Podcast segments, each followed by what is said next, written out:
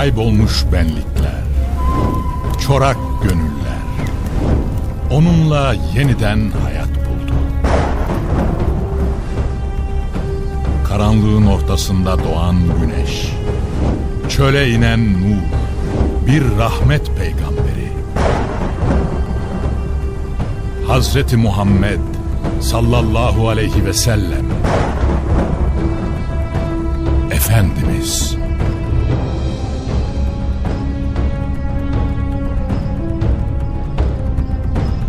Eser Reşit Haylamaz.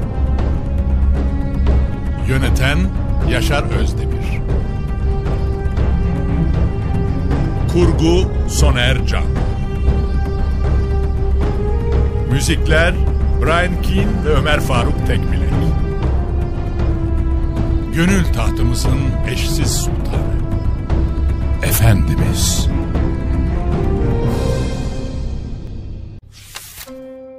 Bekke Vadisi'nde yankılanan ses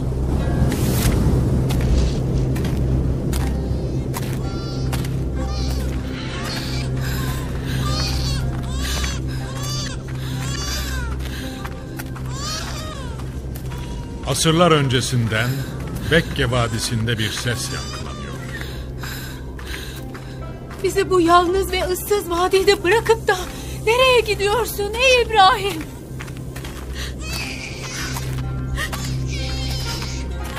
İtimat ve tevekkül zirvesinin sahibi Hazreti İbrahim'de yankılanan sese cevap mahiyetinde hiçbir hareket yok. Zira o sadece kendisine denileni yapıyor ve emre itaatten taviz vermek istemiyordu. Çünkü bu ilahi bir yönlendirmeydi. Asırlar sonra geleceğinin muştusu verilen son nebinin şereflendireceği beldenin temeli atılacaktı. Beri tarafta teferruata muttali olmayan Hazreti Hacer, kocasını kendisinden uzaklaştıran her adımda ayrı bir korku yaşıyordu. Bunun için yalnızlığın hicranını iliklerine kadar hisseden telaş dolu bir sesle yeniden seslendi. Ey İbrahim! Bizi bu yalnız ve ıssız vadide bırakıp nereye gidiyorsun? Belli ki geldiği istikamette gerisin geriye ilerleyen Hazreti İbrahim'den cevap gelmeyecekti. Kucağındaki biricik yavrusuyla arkasından koşturmak beyhudeydi. Sanki yıllarca çocuk hasreti çeken ve dualarında Rabbinden çocuk dileyen Hazreti İbrahim gitmiş, yerine bambaşka birisi gelmişti. Şüphesiz böyle köklü bir değişim ancak Rabbani bir yönlendirme sonucu gerçekleşebilirdi. Bunun için Hazreti Hacer Sana böyle yapmanı Allah mı emretti? diye sordu. O ana kadar hiç tepki vermeden ilerleyen Hazreti İbrahim'den bu soruya mukabil güven dolu bir ses duyuldu. Evet. Emreden oysa koruyacak da o olacaktı. Onun koruması altına girdikten sonra ne bu ürperten yalnız vadilerdeki vahşet, ne korku veren yalnızlık ve ne de bir aile reisinin himayesinden mahrumiyet ürkütebilirdi onu. Onun için arkasını dönüp kucağındaki yavrusuyla birlikte geri gelirken dudaklarından şu kelimeler dökülecekti Hazreti Hacer'in. Öyleyse o bizi asla zayi etmez. Zaten bu cümle aile reisiyle diğer fertlerin diyaloğundaki son noktayı oluşturuyordu. Artık Hazreti İbrahim uzaklaşmış, Hazreti Hacer de minik yavrusu İsmail ile birlikte bırakıldıkları noktaya geri dönmüştü.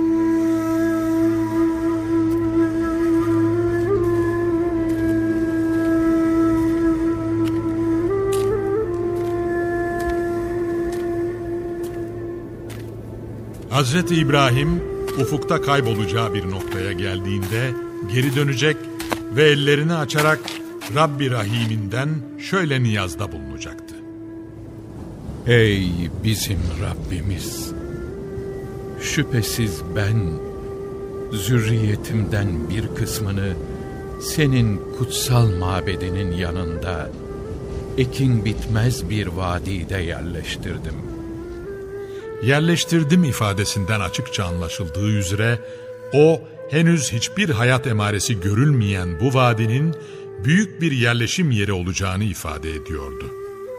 Aynı zamanda burası yeryüzündeki ilk binanın inşa edildiği önemli bir yer, ilkle sonun buluşacağı Bekke Vadisi'ydi. Hazreti İbrahim niyazına şöyle devam etti. Ey bizim Rabbimiz! Namazı gereğince kılsınlar diye böyle yaptım. Anlaşılan buraya gelişteki asıl hedef de insanı Rabbe yaklaştıran kulluk vazifesiydi.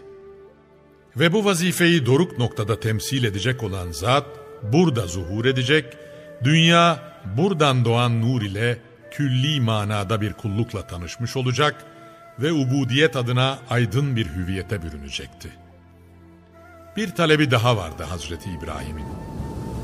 Ya Rabbi! Artık insanların bir kısmının gönüllerini onlara doğru yönelt. Onları her türlü ürünlerden rızıklandır ki sana şükretsinler. Yakarışlarında kendisine ait vazifeyi yerine getirdiğini bildirme ve muştusunu verdiği hususların da Rabbi Rahim tarafından gerçekleştirilmesini talep vardı. Zira kulaklarında ömrünün kemale erdiği dönemde hamile kalan hanımının sevincini paylaştığı anlardaki duyduğu şu müjdenin yankıları çınlıyordu.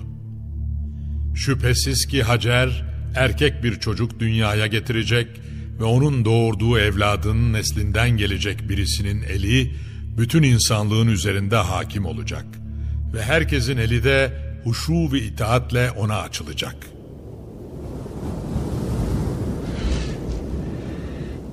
Hazreti İbrahim için bundan daha büyük bir saadet olamazdı.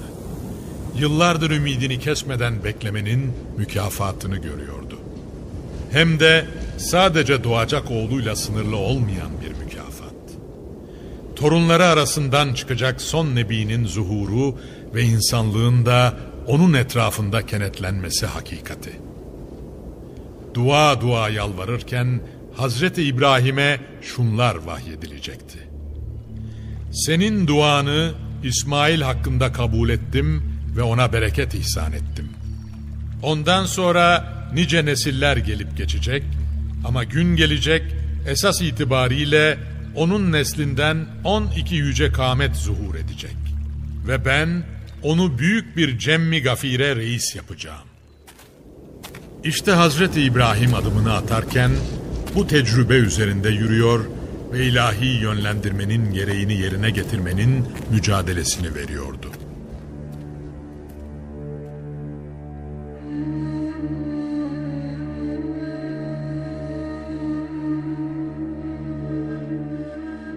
Beri tarafta Hazreti Hacer, kadın başına yalnız kaldığı bu vadide çocuğunun telaşına düşmüş, içecek bir yudum su bulabilmek için koşturup duruyordu. Bir anne olarak endişelerini teskin eden tek şey Rabbine olan itimadıydı. Belki de kucağındaki çocuğa hamile olduğunda karşılaştığı meleği ve onun söylediklerini hatırlayıp teselli oluyordu. Zira bunalıp sıkıntılarını Rabbine arz ettiği bir gün yanında beliren melek kendisine şunları söylemişti. Endişe edip korkma. Zira şu an senin hamile olduğun oğlun vesilesiyle Allah yeryüzünde hayır murad etmektedir. Meleğin söyledikleri bunlarla da sınırlı değildi. Melek çocuğunun adını İsmail koymasını fısıldamış ve ardından şunları ilave etmişti. Doğacak çocuk emsalsiz birisi olacak ve bütün insanlığın ümidi onda olacak. Onun eli herkesin üstünde olacak. Herkese hükmedecek ve herkesin eli de onunla olacak. Herkes onun emir ve direktiflerine göre kendini şekillendirecek. Ve aynı zamanda o bütün kardeşlerinin beldesine malik olacak. Bunlar kocası Hazreti İbrahim'e söylenilenlerle de tam bir paralellik arz ediyordu. Müjdeye itimadı tam olsa da sebeplere riayet bir esastı. Ve bunun için Hazreti Hacer bir yudum su veya nefes alan bir can bulma arzusuyla iki tepecik Safa ile Merve arasında telaşlı bir yarışa başladı. Zira kırbadaki su tükenmiş, şefkat yüklü anne Hacer'de korku ve telaş başlamıştı. Bu koşturmaları sırasında bir taraftan da göz ucuyla sürekli küçük yavrusunu kolluyor, onun başına bir şeylerin gelmesinden korkuyordu. Artık Safa ile Merve arası Hacer'in güzergahı olmuştu. Her iki tepenin eteklerine geldiğinde yürüyüşünü hızlandırıyor ve ayrı bir telaşla diğer tepeye ulaşmaya çalışıyor. Bu telaşlı koşuşturma tam yedi kez tekrarlanacaktı.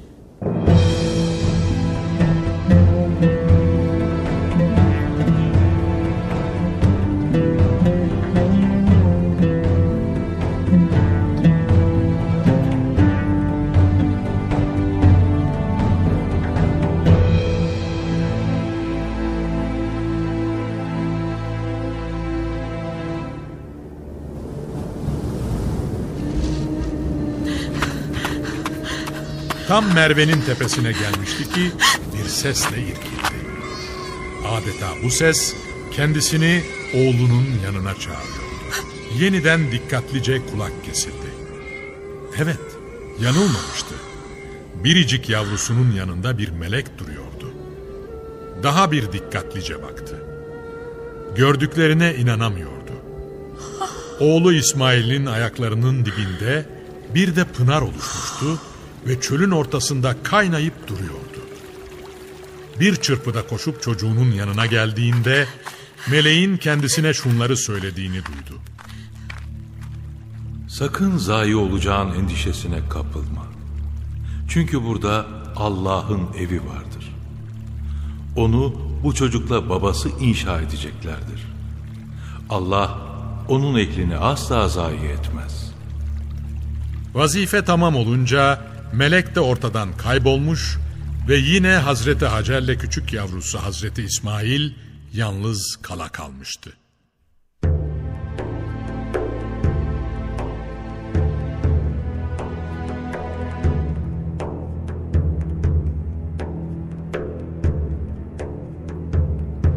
Her dönemde hayat kaynağı olan su, buraya başka insanları da çekecek ve böylelikle kader programının takdir buyurduğu bir yapılanma başlayacak, beklenen Nebi'nin zuhur edeceği şehrin temelleri atılacaktı. Zira çok geçmeden buraya cürhümlüler gelecek ve hayat emaresi gördükleri bu yerde Hazreti Hacer'in de iznini alarak konaklayıp Mekke şehrini meydana getirmeye başlayacaklardı. Böylelikle insanlığın kendisinde hayat bulacağı, Resulullah'ın neş'et edeceği Faran dağlarının arasında yeni bir hayat başlıyordu. Zemzem'in hayat verdiği çöl artık verimli bir belde haline gelecek ve bereketiyle insanları kendisine çekecek, karalara bürünüp yas tutan bu dağların arasında Hazreti Muhammed sallallahu aleyhi ve sellemi netice verecek bir süreç başlayacaktı.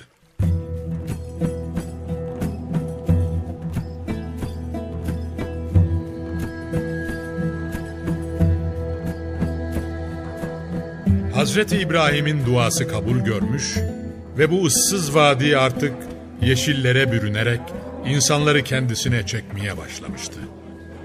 Bu teveccüh aynı zamanda buraya her türlü nimetin akın etmesini de sağlayacak ve buradakiler bundan böyle sürekli bir inayet yaşayacaklardı.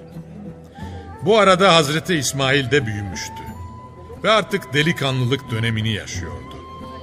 Nihayet Hazreti İsmail Cürhümlülerden bir kızla evlenmiş ve zemzemle başlayan bu birliktelik akrabalık bağlarının kurulmasıyla güçlenerek geleceğe yönelik sağlam bir zemin oluşturmuştu. Geçen süre içinde Hazreti İbrahim zaman zaman Hacer ve İsmail'i ziyarete geliyor, bir müddet kaldıktan sonra tekrar onları kendi hallerinde bırakıp geri dönüyordu. Aradan bir süre daha geçmişti. Bu sefer Hazreti İbrahim hemen geri dönmek için değil, uzun bir müddet orada kalıp Kabe'yi yeniden inşa etmek için geliyordu. Murad-ı ilahi bu istikametteydi ve o da bu isteği yerine getirebilmek için yola koyulmuş Mekke'ye geliyordu. Çok geçmeden de oğlu Hazreti İsmail ile birlikte Kabe'yi inşa etmeye başlamışlar ve bir kez daha insanlığı asla vazgeçemeyecekleri bir kaynağa davete durmuşlardı. Bir taraftan inşa işlemi devam ederken diğer yandan da ellerini açıp bu en kutsal mekanda dua dua Rablerine şöyle yalvarıyorlardı. Ey Rabbimiz Ey Rabbimiz bizden kabul bizden buyur. kabul buyur. Hiç şüphesiz Hiç şüphesiz işiten sensin. işiten sensin, Bilen de sen. bilen de sen. Ey Rabbimiz! Hem İsmail ve beni yalnız senin için boyun eğen Müslümanlardan kıl. Hem de soyumuzdan yalnız senin için boyun eğen Müslüman bir ümmet meydana getir. Ve bize ibadetimizin yollarını göster. Tevbemize rahmetle icabette bulun. Hiç şüphesiz Tevvap sensin, Rahim de sen. Şanı yüce iki peygamberin yeryüzündeki ilk bina ve arşın izdüşümü olan mübarek bir mekanda yaptıkları bu dualara elbette icabet edilecekti. Duada böylesine bir hal yakaladığını gören Hazreti İbrahim sözü temelini atmış olduğu hillet mesleğini kıyamete kadar ve sadece bir yörede değil bütün alemde ikame edecek olan son nebiye getirecek ve şöyle yalvaracaktı. Ey Rabbimiz! Bir de onlara içlerinden öyle bir Resul gönder ki, o Resul onlara senin ayetlerini tilavet eyleyip okusun. Kendilerine kitabı ve hikmeti talim edip öğretsin. İçlerini ve dışlarını tertemiz yapıp onları pak eylesin. Hiç şüphesiz aziz sensin, hikmet sahibi de sen.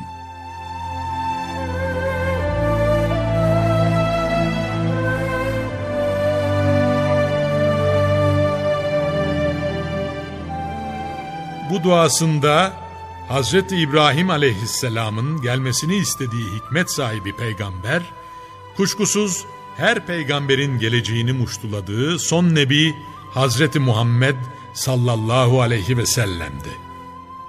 Zira Hazreti İsmail zürriyeti içinde Hazreti Muhammed'den başka bir peygamber yoktu ve olmayacaktı da. Bu samimi duanın hak katındaki değeri de oldukça büyüktü.